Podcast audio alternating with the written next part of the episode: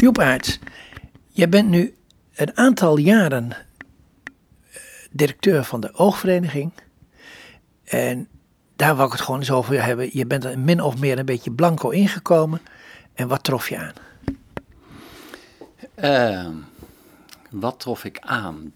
De oogvereniging was begin 2014, toen begon ik, een organisatie die net gevormd was uit een aantal fusies.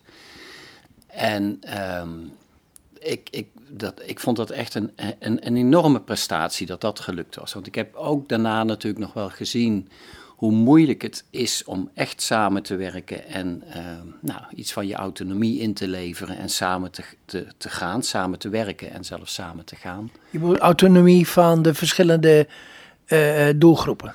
Ja, en, en dan de doelgroep vooral van de verenigingen, dus de organisaties die daarvoor bestonden. De Oogvereniging was een fusie van zes organisaties die allemaal over die drempel heen zijn gestapt om, en gezegd hebben, we kunnen samen sterker zijn, ook al zijn we daarin misschien wel wat minder herkenbaar naar de buitenwereld en minder op onszelf.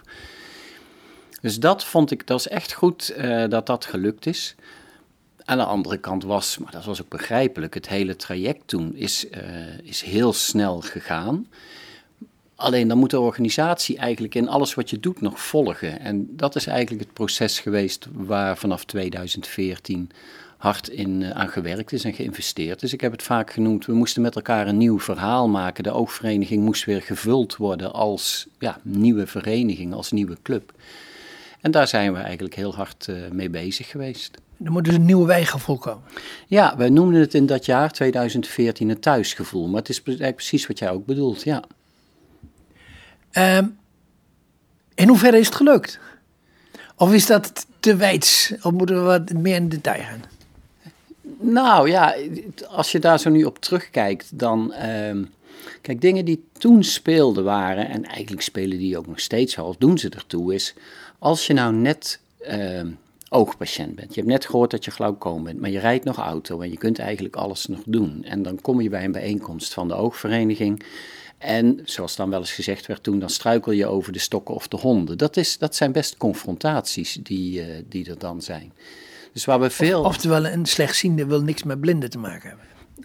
Of wil misschien ook niet geconfronteerd worden met iets wat je misschien in de toekomst ook zelf gaat uh, meemaken, maar waar je op dat moment nog niet, ja, nog niet aan toe bent, nog niet je, wil je bedoelt, dan wordt er angst uitgedrukt.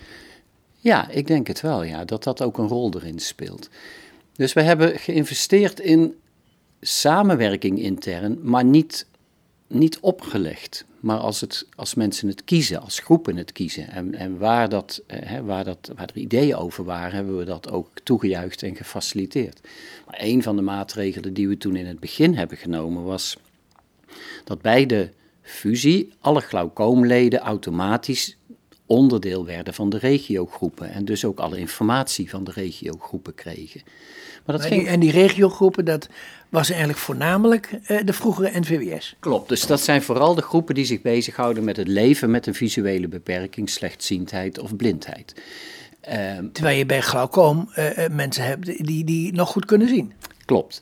Nou, dat was ook precies de spanning die er toen was. En ook de onvrede, met name ook bij de glaucoomgroep. Die zei, ja, weet je, wij, wij worden daar nu, nu zijn er wel in opgenomen. Maar eigenlijk is dat gewoon niet de wereld waar wij, die, die voor ons er op dit moment toe doet.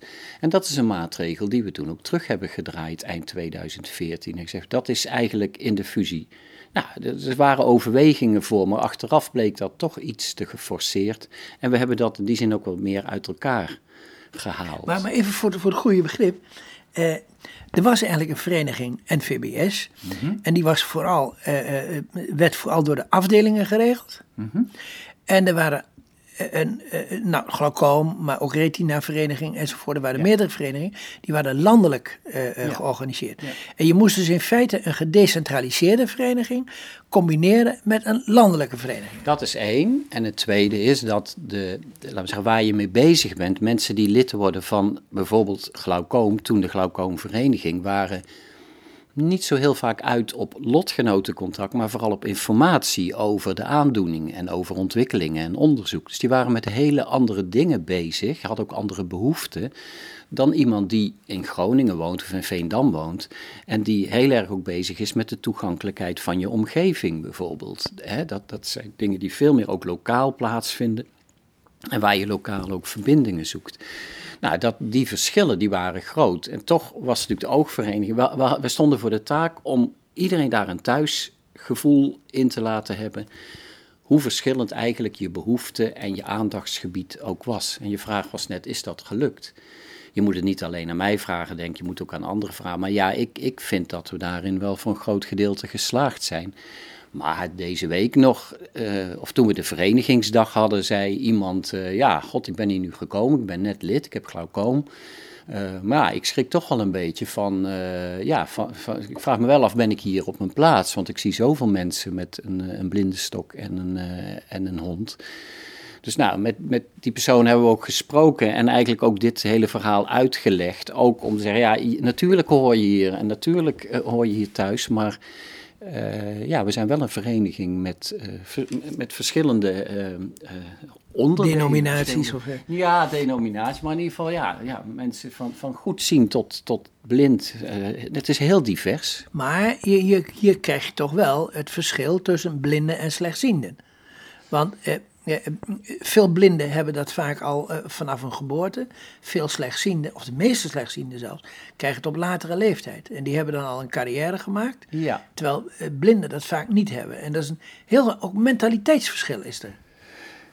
Toch? Ja, ja, misschien heb je gelijk, maar ik heb in die jaren wel gezien ook hoe hoe vaak die werelden wel bij elkaar komen. Als je een progressieve oogaandoening hebt en eerst zie je nog goed en langzamerhand ga je minder zien, dan ga je door al die fasen heen. En soms kan iemand die, uh, die langdurig blind is jou helpen of geruststellen of met jou erover praten over wat er gebeurt. Dus het is niet zwart-wit van je bent of alleen goedziend en, uh, en, en dat is één. slechtziend. Ja, ja, en dan, dan is het voor een aantal mensen natuurlijk, vooral als je dan op latere leeftijd oogaandoeningen krijgt, dan, dan word je langzaam slechtziend of soms ook snel.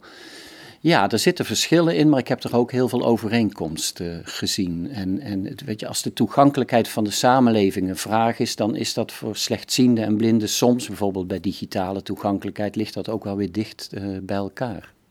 Ja, alhoewel voor de voorzieningen, mm daar eh, ligt toch een, een verschil tussen slechtzienden en blinden. En in de slechtzienden is het namelijk toch wel een verschil, zou je kunnen maken, uh, van degene die eh, eh, dus nauwelijks centraal zicht heeft, of nauwelijks uh, uh, de, de, de, de, de hele gezichtspalet, hè, heet het? Mhm. de periferie heeft. Wat grappig is, wat, wat jij nu eigenlijk door deze vraagstelling zo aantoont, is dat je dan heel erg de verschillen benadrukt. En ik probeer aan te geven dat die verschillen er wel zijn, maar uiteindelijk dat je in het hele pakket bijvoorbeeld van hulpmiddelen Zowel voor mensen die slechtziend zijn als blind zijn. Dus of je nou je braille-regel nodig hebt of vergrotingssoftware of vergrotingsapparatuur. Dat doet er dan eigenlijk niet zo toe. Voor, voor iedereen is het van belang dat het makkelijk gaat. En dat je niet permanent hoeft te bewijzen dat je blind of slechtziend bent. Dus er zitten heel veel elementen in. Er zitten meer overeenkomsten in dan verschillen. Dat is mijn overtuiging. Nou, ik wilde er, wilde er eigenlijk nog een zin aan toevoegen. Uh, er zijn natuurlijk een aantal overlappingen. Ja, oké. Okay, ja, nou, uh, van van dus, beide groepen. ja, ja, ja. en ja, het is heel goed om samen die overlappingen te zien en er samen wat aan te doen.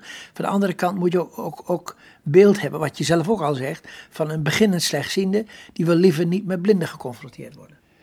Nou, dit is niet, niet helemaal zo. Het is ook niet altijd zo. Maar het, ik, ik heb het altijd opgevat als van je moet dat ook uitleggen. Ik bedoel, eh, en, en soms snap ik heel goed dat het andere werelden zijn.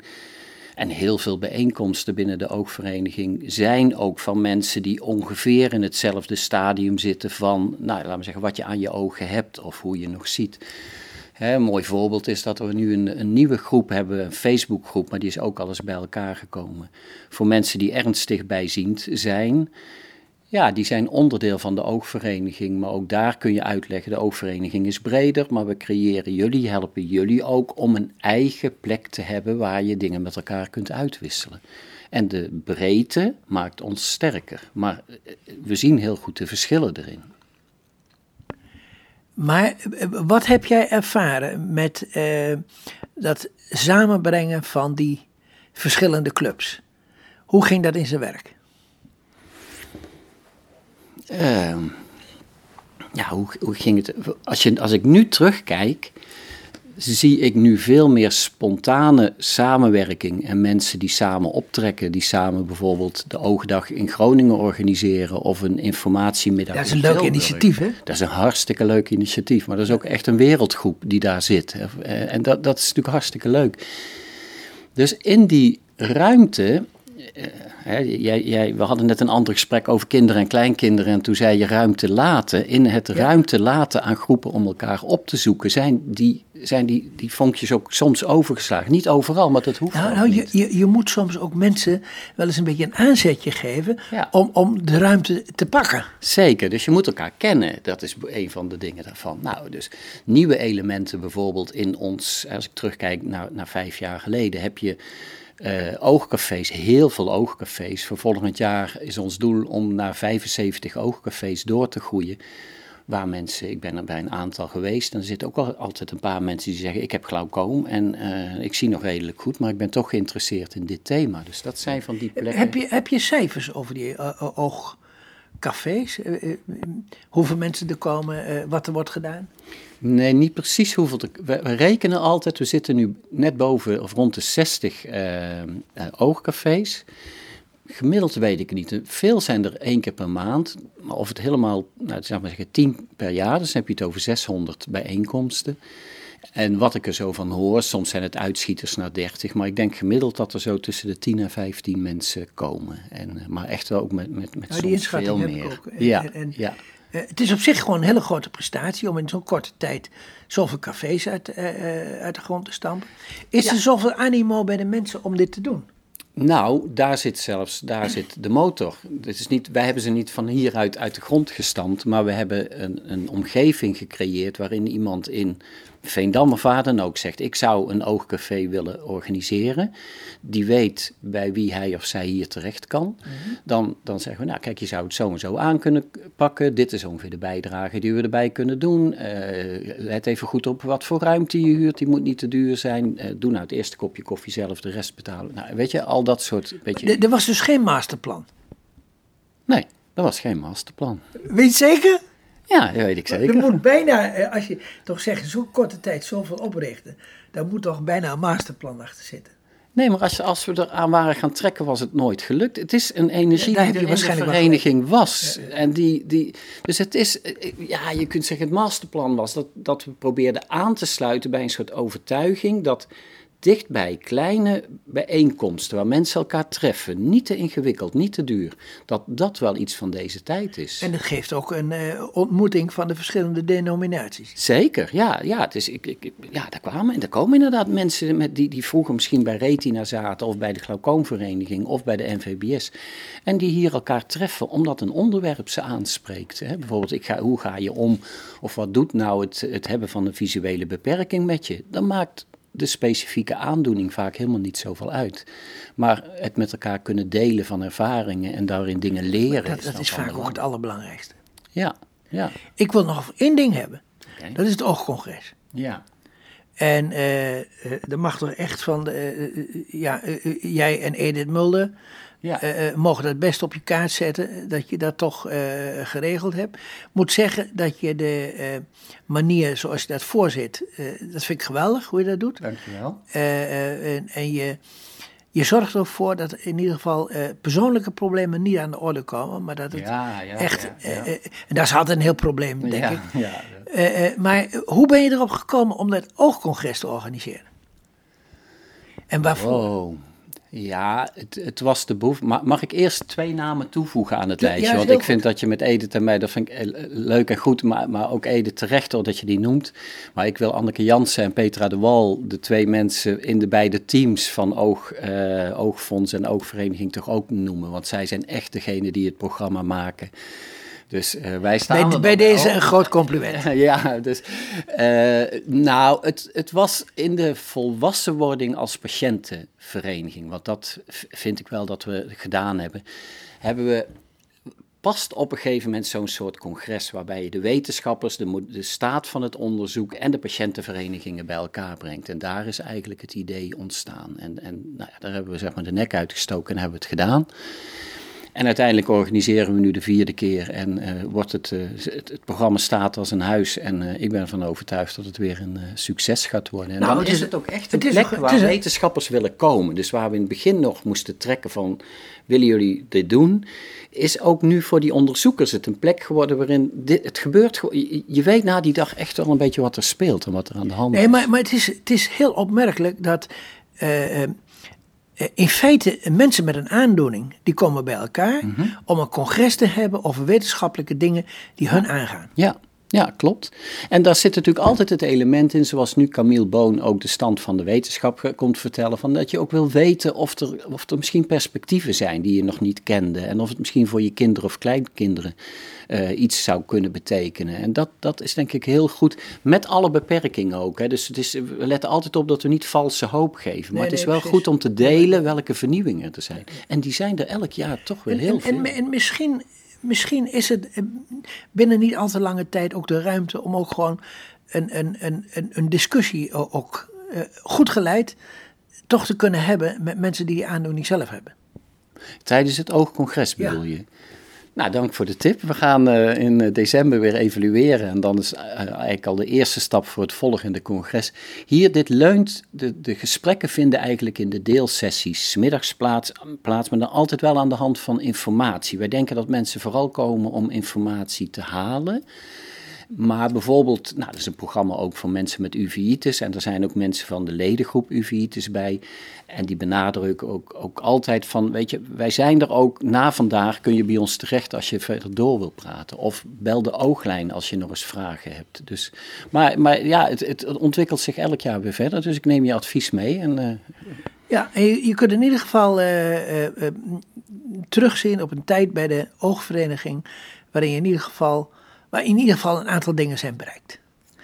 Dankjewel. En daarmee, ja. daarmee wil ik afsluiten en je hartelijk danken voor het interview.